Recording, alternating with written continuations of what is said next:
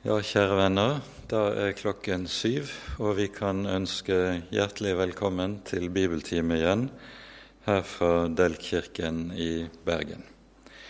Vi fortsetter i kveld gjennomgangen av profeten Zakaria, og er nå da kommet til det niende kapittelet, der vi møter en av de helt sentrale gammeltestamentlige profetiene om vår Herre Jesus. Det kommer vi tilbake til. Men la oss begynne med å be sammen. Kjære Herre, du vår Gud og vår Far. Så takker og lover vi deg på ny for all din godhet imot oss. Mest av alt, Herre, vil vi takke og love deg fordi du sendte din egen sønn og ga ham i vårt sted og for vår skyld, for at vi skal få lov å bli frelst, frelst og fri fra all vår synd og alt det som ondt er i våre egne hjerter og våre egne liv. Takk, Herre Jesus, at du var villig til å komme og ta på deg byrden av vår frelse så ber vi, gode Herre, at du vil være hos oss denne kvelden med din Hellige Ånd. Gi lys i ordet ditt, og skriv ordet ditt inn i hjertene våre, for at vi også må kjenne deg rett og bli bevart for det evige liv. Herre, forbarm deg over oss. Amen. Vi begynner da med å lese sammen det niende kapittel, i, og vi leser hele kapittelet i sammenheng nå innledningsvis. I Faderens, Sønnens og Den hellige ånds navn. Dette utsagn er Herrens ord mot Hadraks land, og i Damaskus slår det seg ned når menneskene og alle Israels stammer vender sitt øye til Herren. Ordet gjelder også Hamat, som grenser til det, og Tyrus og Sidon, fordi de er så kloke der. Tyrus bygde seg en festning og dynget opp sølv som støv og fint gull som avfall på gatene. Se, Herren skal la fremmede få det til eie og styrte dets murer i havet, og selv skal det fortæres av ild. Ashkalon ser det og frykter. Gaza vrir seg i angst, likeså Kron, fordi dets håp er blitt til skamme. Gaza skal miste sin konge, og i Ashkelon skal ingen bo. I Ashtod skal det bo et blandingsfolk, og jeg vil utrydde filistrenes stolthet. Jeg vil ta offerblodet ut av deres munn og det motbydelige offerkjøttet bort fra deres tenner. Da skal det også av dem bli igjen en rest for vår Gud, og de skal være som fyrster i Juda. Ekron skal være som en jebusitt. Jeg vil slå leir til vern for mitt hus mot krigsherrer som kommer og går. Ingen voldsherre skal mer komme over dem, for nå ser jeg med egne øyne hvordan det er. Rop med fryd, Sions datter. Rop høyt, Jerusalems datter. Se, din konge kommer til deg. Rettferdig er han og full av frelse Ydmyk er han og rir på et esel, på den unge eselfolen. Og jeg vil utrydde vognene i Efraim og hestene i Jerusalem. Alle krigsbuer skal avskaffes, og han skal tale fred til hedningene. Hans herredømme skal nå, nå fra hav til hav og fra elven til jordens ender. For ditt paktsblods skyld vil jeg også fri dine fanger ut av brønnen som det ikke er vann i. Vend tilbake til festningen, dere fanger som har håp. Også i dag forkynner jeg at jeg vil gi dere dobbelt igjen. For jeg spenner Juda som min bue og legger Efraim på buen. Jeg egger dine sønner Sion mot dine sønner Javan. Jeg gjør deg lik en kjempes sverd, og Herren skal åpenbare seg over dem. Hans pil skal fare ut som lynet. Herren, Herren skal blåse i hornet og fare frem i stormen fra sør. Herren, herskarenes Gud, skal verne dem. De skal sluke sine fiender, de skal trå slyngesteinene under føtter. De skal drikke og larme som av vin. De skal fylles som en skål, som alterets hjørner. Herren deres Gud skal frelse dem på den dagen. Han skal frelse sitt folk som en jord, for de er som edelstener i en krone og stråler over hans land. Hvor herlig er det ikke, og hvor fagert! Av dets korn skal unge menn, og av dets vin skal jomfruer blomstre opp. Amen.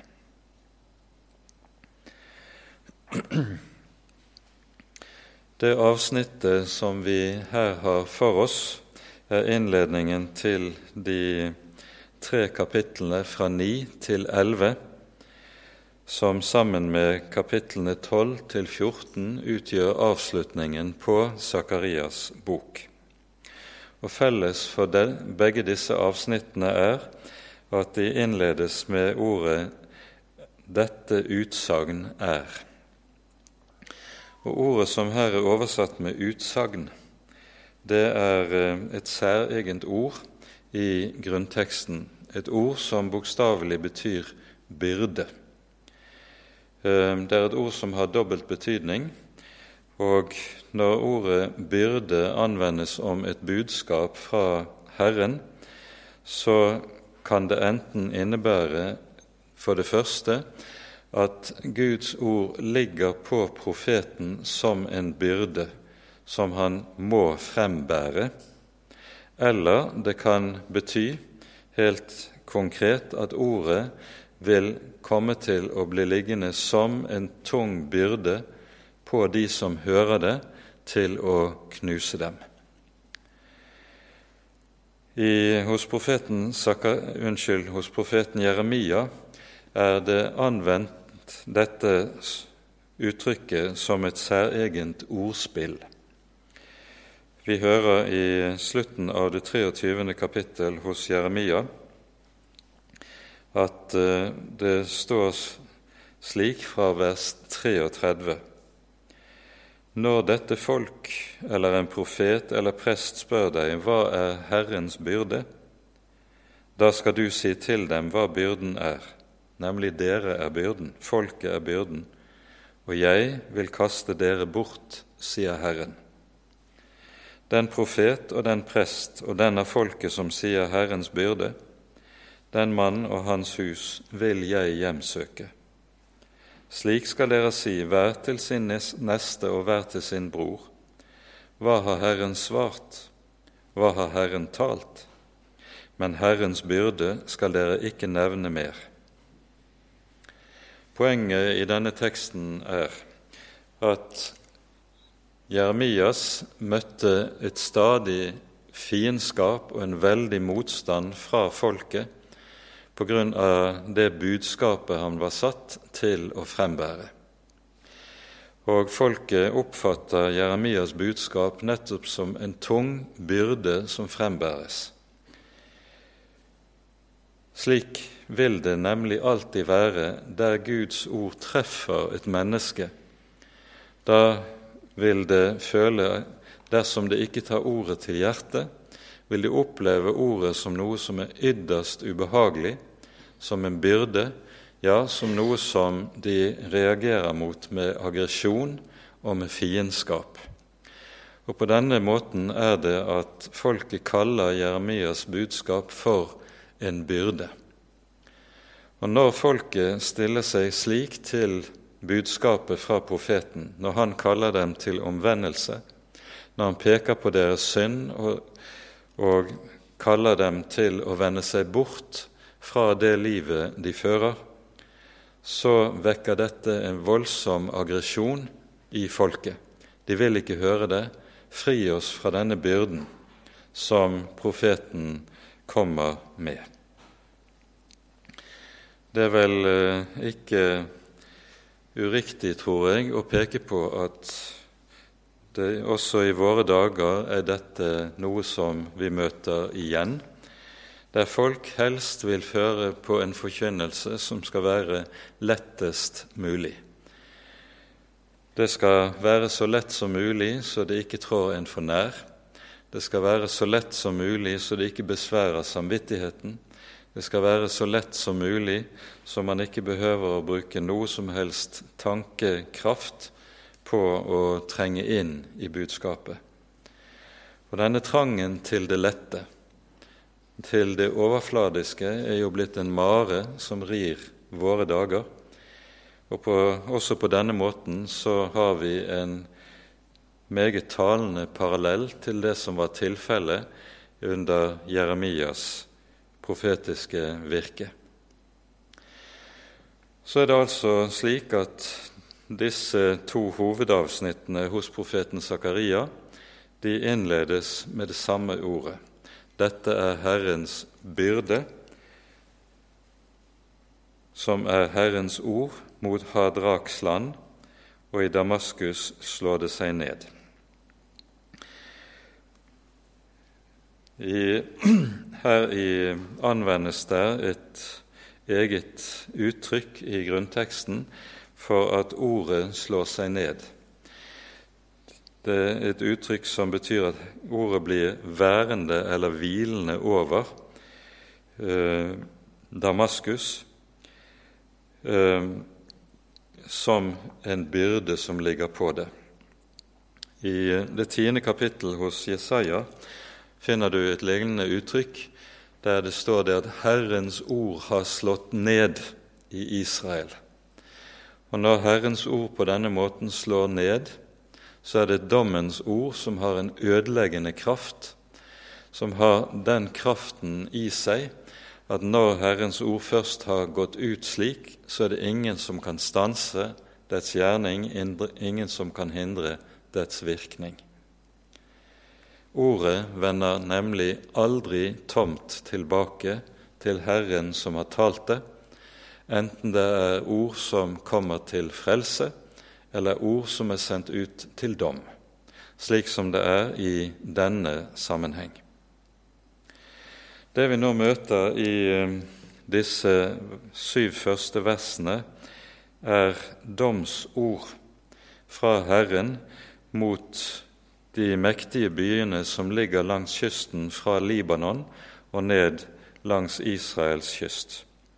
I tillegg til Damaskus og områdene som kalles Hadrar og Hamat, som lå i dagens Syria, så nevnes altså Tyrus og Sidon, som ligger i dagens Libanon, og de fire av filistrenes fem byer Askalon, Gaza, Ekron og Ashdod. Den siste som ikke nevnes, er byen Gat, som antagelig allerede på dette tidspunkt var lagt øde og var, slik var uten betydning. Et par anmerkninger når det gjelder det som her sies. For det første Eh, nevnte vi tidligere at profeten Zakaria sitt virke begynner rundt år 520, og antagelig er disse ordene talt mellom 520 eh, og 516 før Kristus, altså i den perioden da det persiske verdensriket eh, står på høyden av sin makt. Men det som altså var tilfellet med det persiske verdensriket, det var at dette ikke ødela de byene som her er omtalt. Disse byene som her er omtalt, både Tyrus og Sidon, og senere de fire byene til filistrene, de ble først ødelagt under Alexander den store, som innpå 200 år senere er den som erobra hele den daværende kjente verden. Tyrus eksempelvis var en by som var særdeles mektig på grunn av sin handel. Vi hører jo her at det dynges opp både sølv og gull når det sies at de er så kloke der, så i vers 2, så det er ironisk ment. Det er ikke en klokskap eller visdom som eh, hører gudsfrykten til, men den klokskap som er verdens visdom, som vet å vinne denne verdens gods og gull. Og Nettopp det har kjennetegnet særlig Tyrus og Sidon. Og Tyrus omtales både hos profeten Jesaja i det 23. kapittel og hos profeten Esekiel i det 28. kapittel som en by som på grunn av sin rikdom og sin sikkerhet er særlig hovmodig. Ja, hos Esekiel sies det at Tyrus har gjort seg selv til en gud, tilber seg selv som guddom. Denne Tyrus' sikkerhet henger sammen med byens beliggenhet. Opprinnelig lå den på fastlandet, men øh, allerede før det babylonske verdensriket trådte frem på arenaen, så hadde byen flyttet ut til en øy som lå en knapp kilometer utenfor kysten, og bygget seg selv en veldig festning på denne øyen. Murene skal, om byen skal ha vært 50 meter høye. Og kronikene krønikene fra samtiden forteller at eh, Asyria eh, søkte å erobre Tyrus og beleiret byen i fem år uten å makte å erobre den. Og senere, når det asyriske verdensriket er erstattet av babylonerne, med Nebukadneser i spissen, så beleirer Nebukadneser Tyrus i hele 13 år uten å kunne gjøre ende på byen, uten å lykkes i å erobre den. Og Dette har jo ført til en veldig sikkerhet hos Tyrus, som sammen med dets rikdom har gjort dem til et symbol på menneskelig hovmot. Det er først Aleksander den store som greier å erobre Tyrus. Han jevner byen fullstendig med jorden etter bare syv måneders beleiring. Og Det fortelles om Alexander den stores krigsteknikk at han brukte å gjøre det slik at når han kom til en by som han ønsket å erobre Alle byer, større byer var jo den gang omgitt av bymurer så tente han et stort bål utenfor bymuren, som gjerne brente et par dager, og ga så løfte til byen at dersom den overga seg før bålet var brent ned, da ville han spare byen og dens innbyggere. Dersom de ikke ville overgi seg, så ville han ikke spare én en eneste når byen ble erobret. Og Dette gjennomførte han helt konsekvent i praksis. Så dette var Alexander den stores måte å føre krig på, og som de fleste nok vet, så ble hans rike det til da største av verdensrikene. Det er altså slik at han da både to, 200 år etter at Zakaria har ytret disse profetiene, så er det de går i oppfyllelse. Det er innledningen på det greske verdensrikes epoke. Og det er denne epoken som også omtales hos profeten Daniel som det tredje av de fire verdensrikene som han ser for seg skal tre frem på historiens arena det fjerde er jo det romerske riket. Men det er i det greske og det romerske verdensrikes periode at også Messias trer frem for å utføre sin gjerning. Og Derfor er det at vi i denne teksten, i sammenheng med det vi her hører, finner løftet om den kommende Messias og frelsen ved ham. En annen enkelthet som vi bare skal peke på i teksten for at den skal eh, ikke være ubegripelig, det er det vi hører i vers 7. Der sier Herren om at han vil ta offerblodet ut av deres munn. Og Her er det tale om filistrenes fire byer. Eh, deres gudsdyrkelse var nemlig, hadde som ett av sine trekk at blodet av ofrene ble drukket sammen med vin. Og Dere vet fra Mosebøkene at det å drikke blod eller spise kjøtt med dets blod i var noe som var absolutt forbudt. Mens her er det hos filistrene det motsatte som kjennetegner dem. Og Derfor blir offerkjøttet som de frembærer, regnet som det står her motbydelig. Og Her bruker grunnteksten et uttrykk som eh, bokstavelig betegner det som ligger på avfallsdyngen eller i eh, septiktanken og lukter særdeles ille. Slik lukter avgudsdyrkelsens offer i Guds nese. Derfor er det motbydelig. Men så kommer det også samtidig et løfte i dette syvende verset at en rest fra filistrenes byer også skal komme til å tilhøre Herren.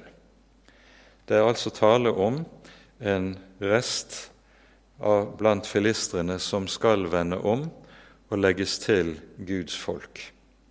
Dette oppfylles helt bokstavelig i det vi hører i apostlenes gjerninger, der vi hører om bl.a. Philip, som reiser og forkynner evangeliet i de gamle filisterbyene, og det dannes menigheter i disse byene.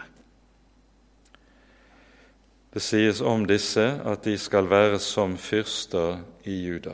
De skal altså få, disse som vender om, skal få en æressete i, Guds folk. Og når det sies om Ekron at den skal være som en jebusitt, så sikter det til at eh, da David erobret Jerusalem og gjorde Jerusalem til sin hovedstad, så var den delen av den kananittiske befolkningen som bodde i Jerusalem før dette, de ble kalt for jebusitter. Og Jebusittene de ble innlemmet i Israels folk og ble regnet som en del av Israels folk. Og det er nettopp det det sikter til her. Når Ekron skal regnes som en jebusitt, så er det tale om her disse skal innlemmes i Guds folk og høre Herren til. Det er det det profeteres om i denne teksten. Så hører vi i det åttende verset:" Jeg vil slå leir til vern for mitt hus mot krigsherrer som kommer og går. Også dette oppfylles helt bokstavelig under Aleksander Alexander den store som i motsetning til de tidligere byene som er omtalt, ikke erobrer og ikke ødelegger Jerusalem. Det fortelles i jødiske skrifter fra denne tiden at da Alexander kom og gjorde ende på det persiske verdensriket, så ble han møtt utenfor byen av jødiske lærde, som pekte på at hans komme var profet, profetert av Daniel, og på den måten så åpnet den byen opp for ham, og Jerusalem ble spart.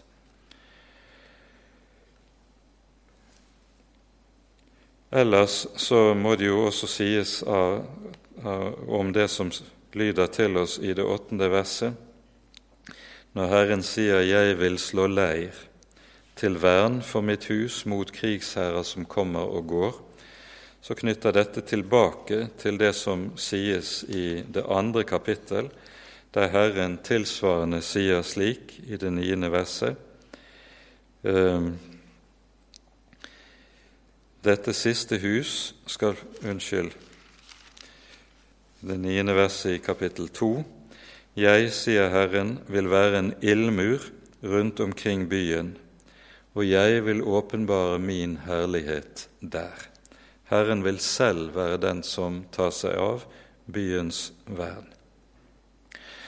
Så er det vi kommer til det niende og tiende verset, som jo siteres i og anvendes i Det nye testamentet. Rop med fryd, Sions datter. Rop høyt, Jerusalems datter.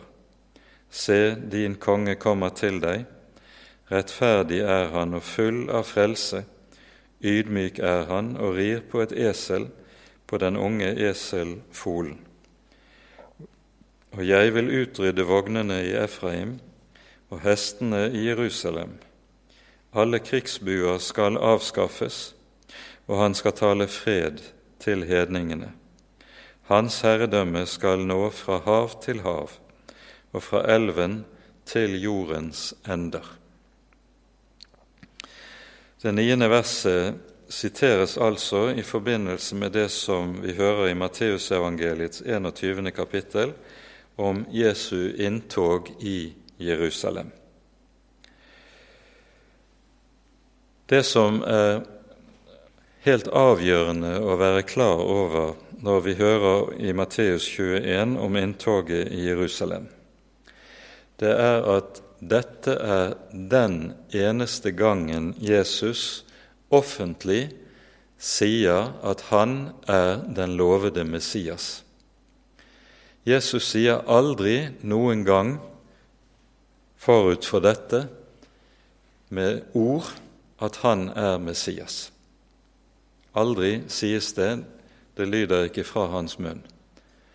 Vi hører i det 16. kapittel om Peters bekjennelse du er Messias, den levende Guds sønn, så er dette en bekjennelse som ikke ytres offentlig, men i disiplenes lukkede krets. Og disiplene får uttrykkelig befaling fra Jesus om at dette skal ikke sies offentlig, fordi Jesus ikke vil forbindes med den alminnelige Messias-forventning som var i omløp i datidens jødedom.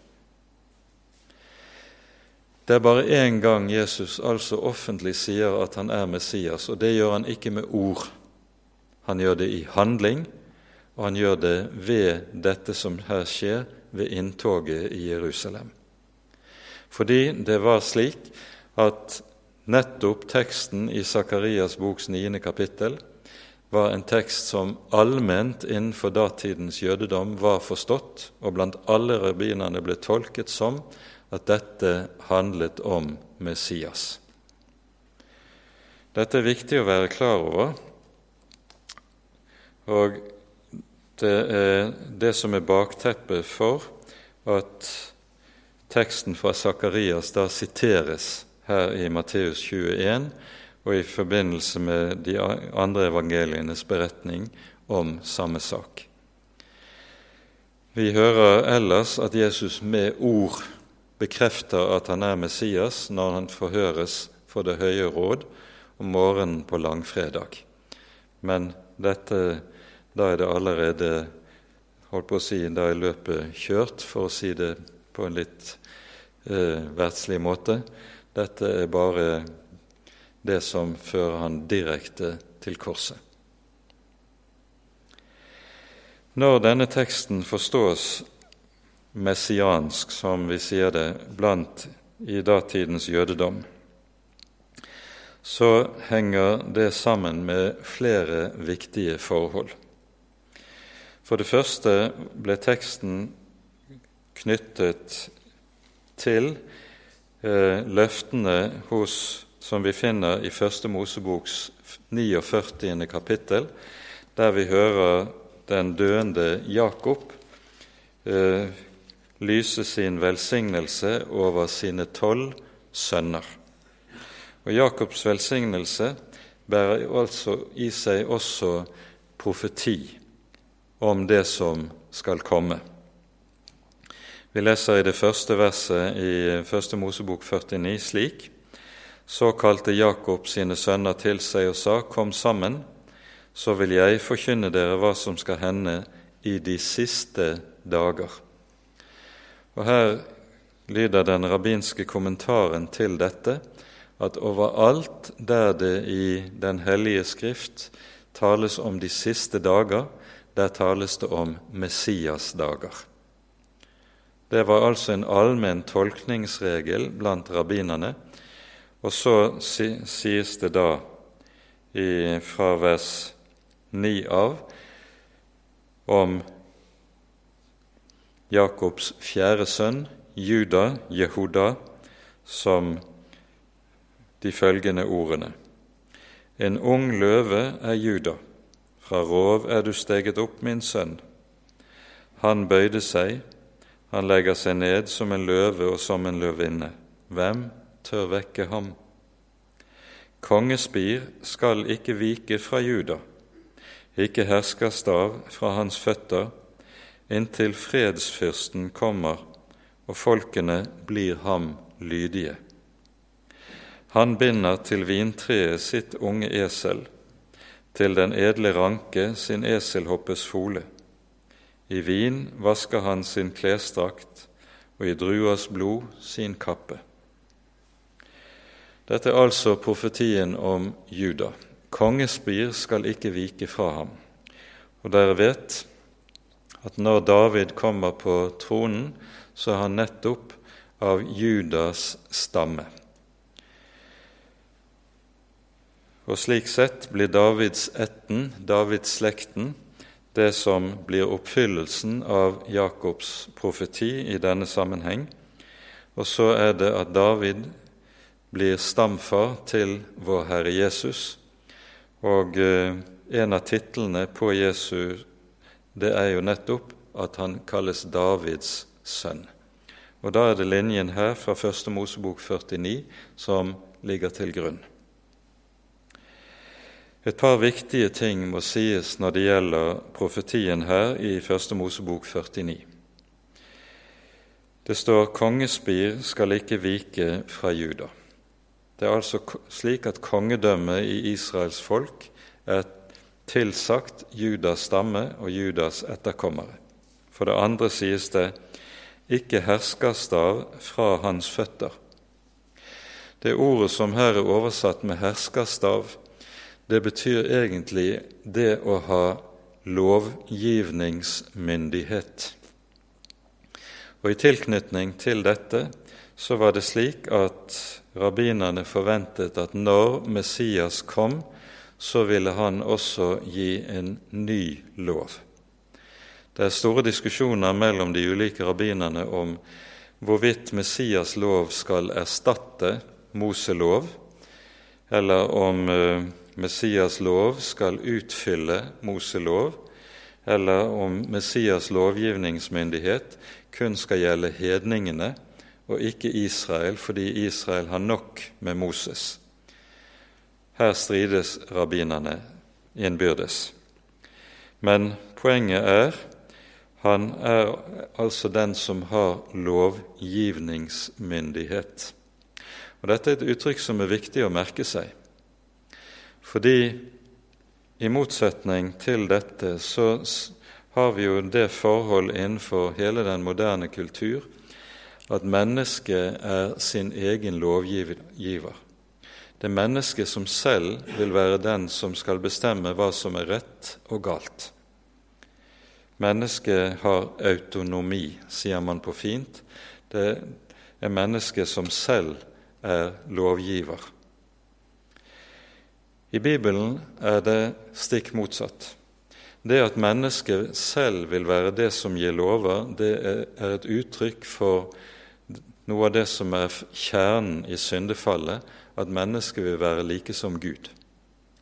For ifølge Guds ord er det slik at det er utelukkende Gud, fordi Han er skaperen og alle tings opphav, som har rett til å gi lover for mennesket når det gjelder hva som er rett og galt, lover i ordets etiske forstand. Lovgivning når det gjelder ulike samfunnsforhold, det er en annen sak, og det taler vi ikke om her. Men den lovgivningsmyndighet som lærer oss hva som er rett og galt, hva som er godt og ondt, det er en myndighet som tilhører Gud som Gud, som den allmektige og som skaper alene. Og Når mennesket ikke vil bøye seg for Guds myndighet som lovgiver, så er det uttrykk for gudsopprøret fra syndefallet. Og på ny ser vi at her står vi overfor noe som kjennetegner hele den moderne vestlige kultur, der mennesket nettopp ikke vil bøye seg for Guds bud, og Derfor kalles også den gudløshet som skal gjøre seg gjeldende i forbindelse med historiens avslutning, den kalles gjennomgående for lovløshet. Det er det lovløse mennesket som trer frem på arenaen, som gjør opprør mot Gud som lovgiver, og som derfor vil gå sine egne veier. Denne lovgivningsmyndighet det er altså den som tilhører Messias. Og Dette kommer til uttrykk i Det nye testamentet, ser vi veldig tydelig f.eks. i bergpreken. Jesus kommer overhodet ikke med noen ny lov i bergpreken,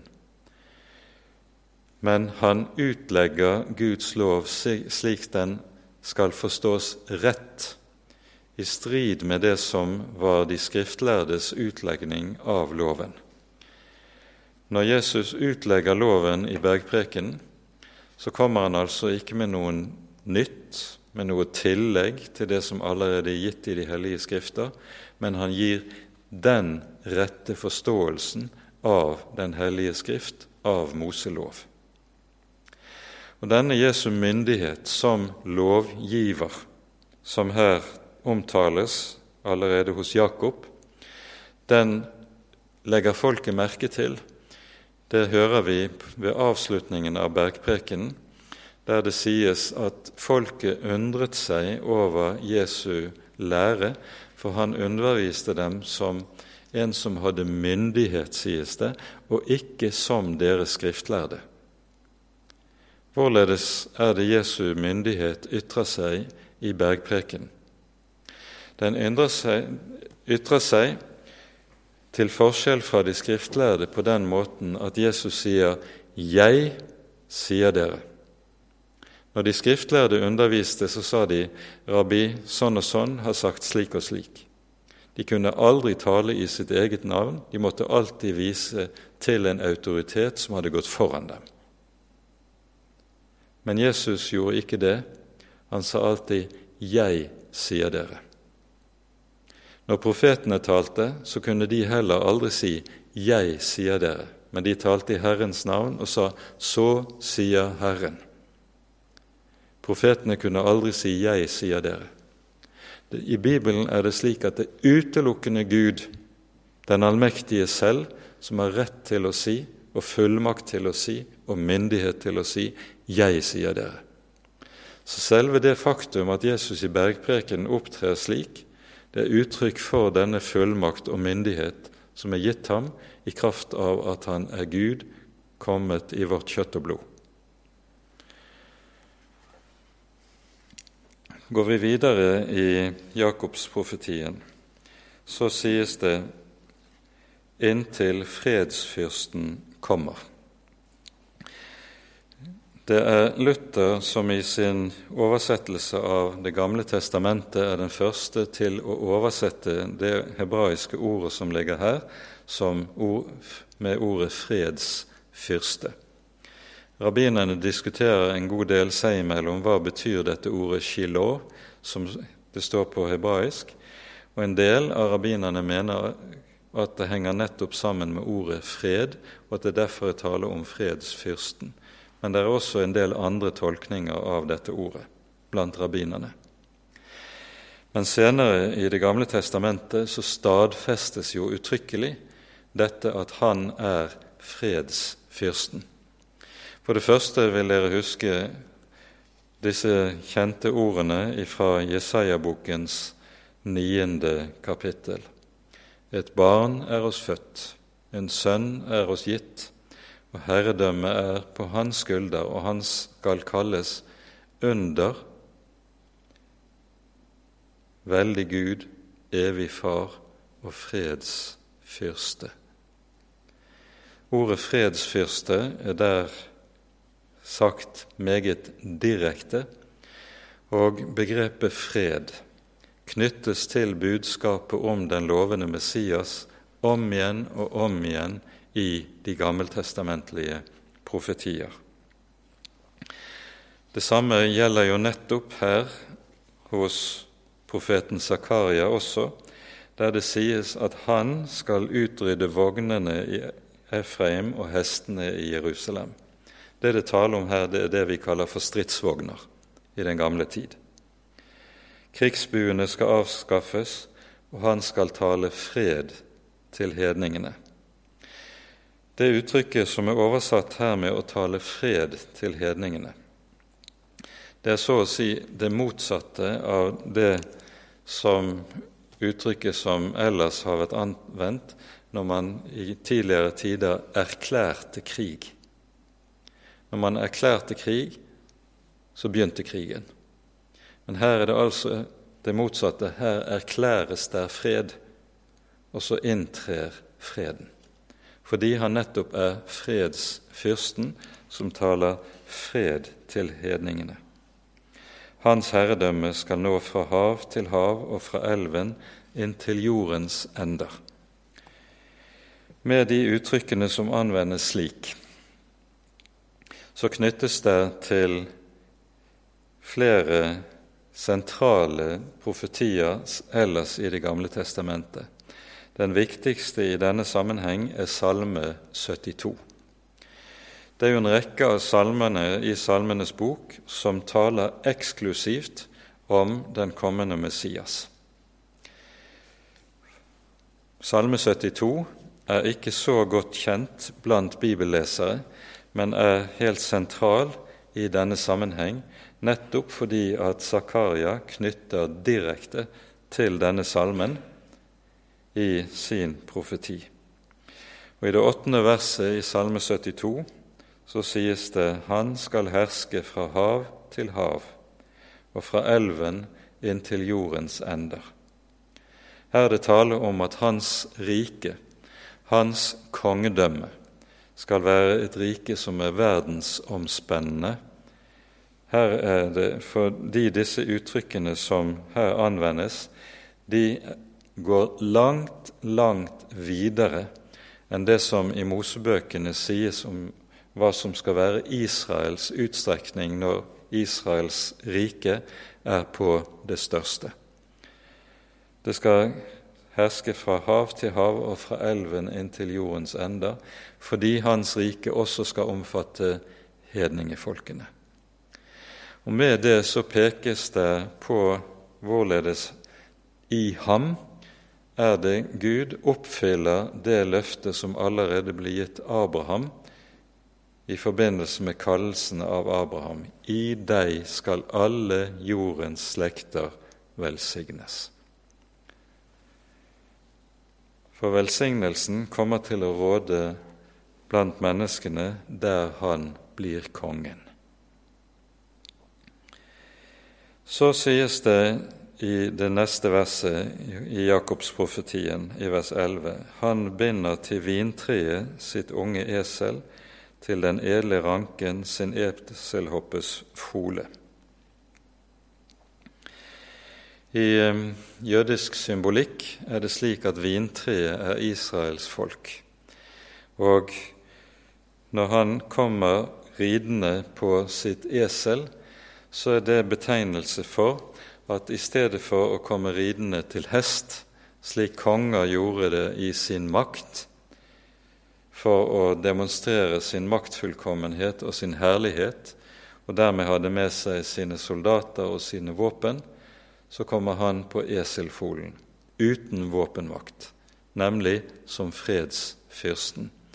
Når han binder eselfolen til Israel, så betyr det etter eh, jødisk tankegang. Han binder sitt kongedømme til Israels folk, og så vil velsignelsen nå ut til folkeslagene på det vis. Nå vender vi tilbake til profetien i Zakaria 9. Og så legger vi merke til et par viktige ting. For det første Se, din konge kommer til deg. Så sies det rettferdig er han og full av frelse.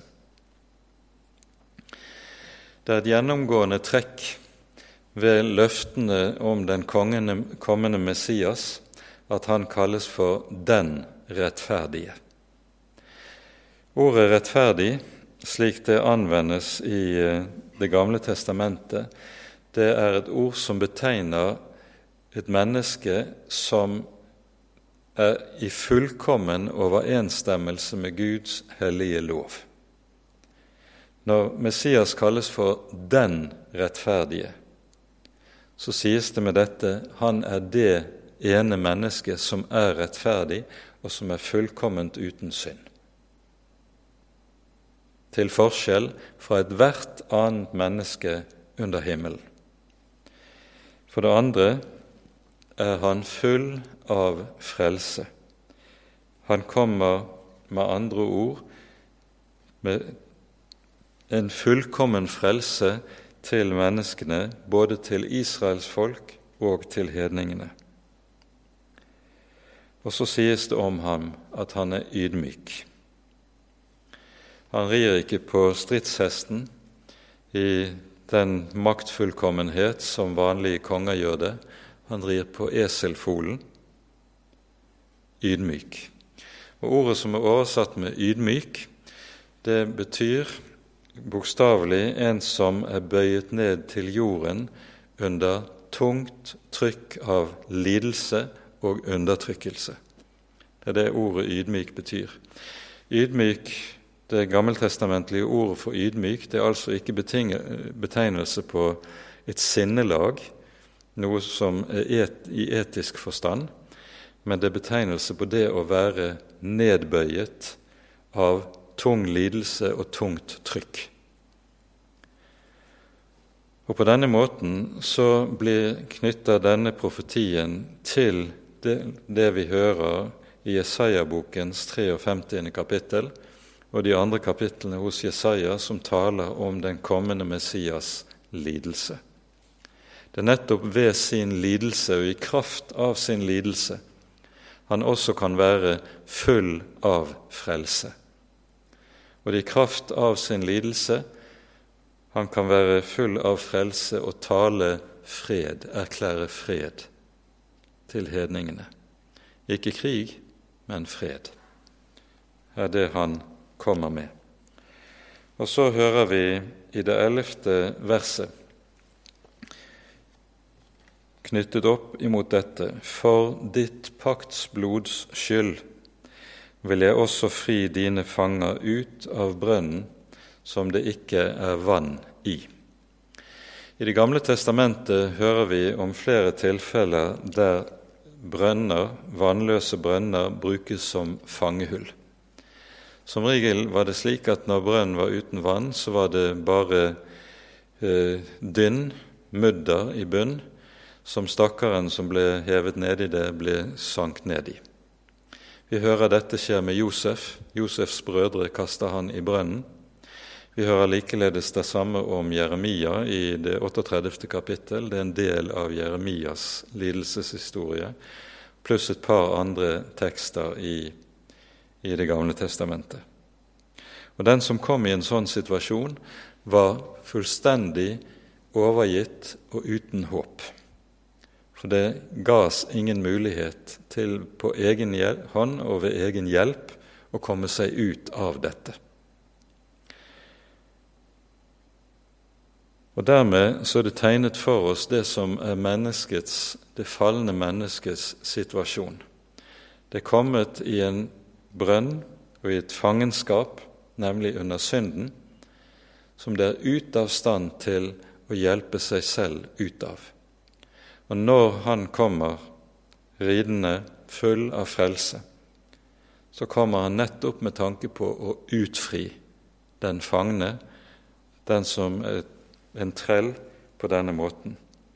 Det er jo dette vi også hører i Jesu programtale, som lyder i synagogen i Nasaret i Lukasevangeliets fjerde kapittel, der Jesus leser fra Jesaja-bokens 61. kapittel, der det lyder slik.: Herrens ånd er over meg, fordi Herren har salvet meg til å forkynne et godt budskap for fattige.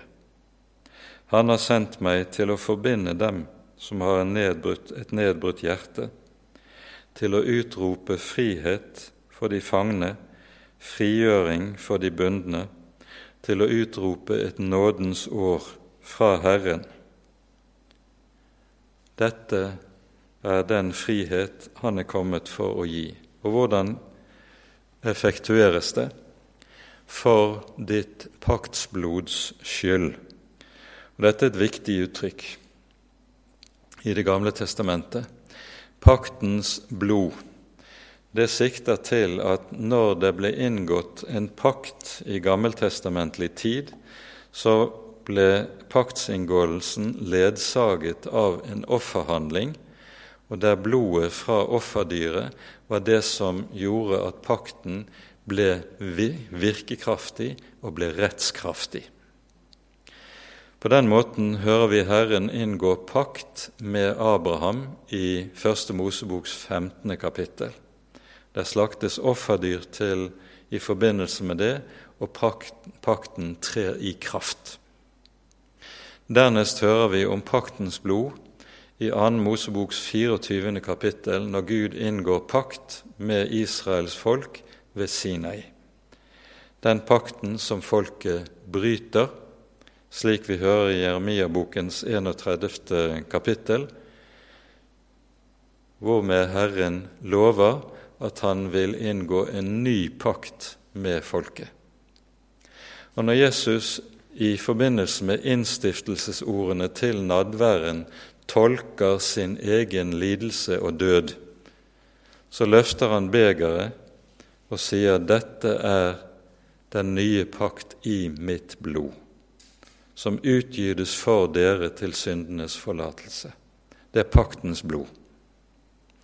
Og dette paktens blod, det er det blod Jesus utgyter på korset, som rekkes oss i nadværen, og som det henvises til et par andre ganger i Det nye testamentet.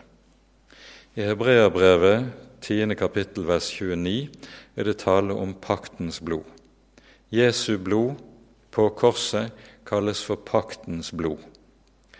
Og i innledningen til 1. Peters brev tales det om hvorledes den kristne menighet er utvalgt for å høre Herren til ved oversprengningens blod.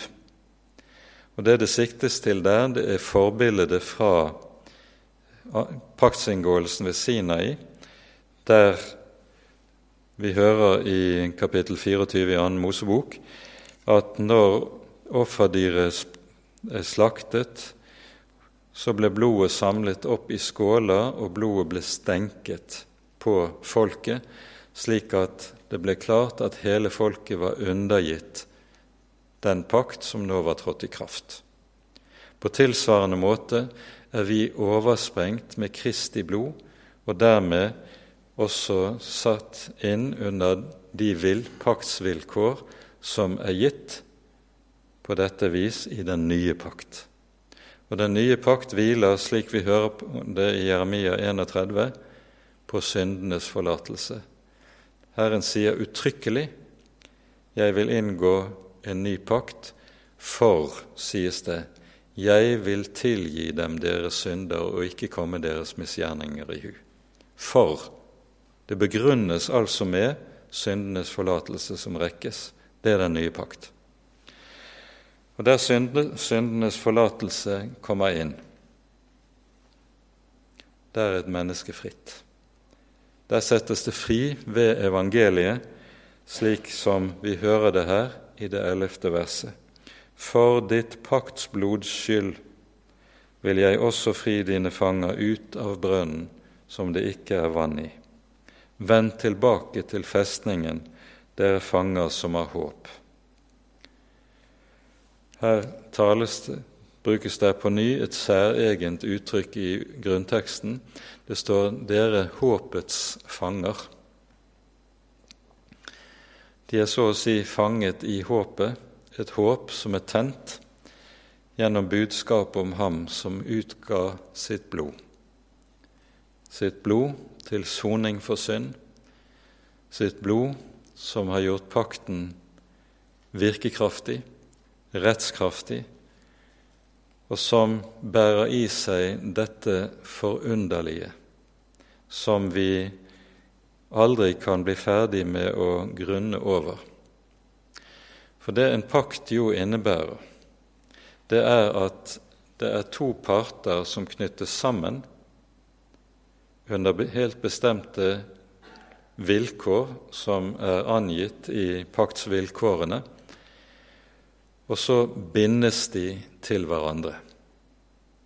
Når Gud inngår pakt med oss slik som det skjer i Kristi blod, så binder Gud seg selv. Og legg merke til det. Han binder seg selv til å gjøre det han har lovet når han innstiftet pakten. Og det er det som gjør paktsbegrepet så ubegripelig rikt, at Gud for å sette oss fri fra synden, fra dødens og fra djevelens makt, har vært villig til å binde seg selv. Den bindingen er symbolsk fremstilt for oss når Jesus bindes i Getsemane og føres som fange inn i døden. Han bindes for at du og jeg skal løses. Han bindes for at du og jeg skal bli fri. Og så er det dette som ligger gjemt i disse ordene vi finner her hos Zakaria, og som altså oppfylles av vår Herre Jesus i Hans komme, i Hans lidelse og i Hans død. Og med det setter vi punktum for kveldens gjennomgang. Ære være Faderen og Sønnen og Den hellige ånd, som var og er og være skal, en sann Gud, høylovet i evighet. Amen. La oss så sammen be Herrens bønn. Vår Far i himmelen. La navnet ditt helliges. La riket ditt komme. La viljen din skje på jorden slik som i himmelen. Gi oss i dag vårt daglige brød og tilgi oss vår skyld, slik også vi tilgir våre skyldnere. Og la oss ikke komme i fristelse, men frels oss fra det onde. For riket er ditt, og makten og æren i evighet. Amen. La oss så stille oss inn under Herrens velsignelse.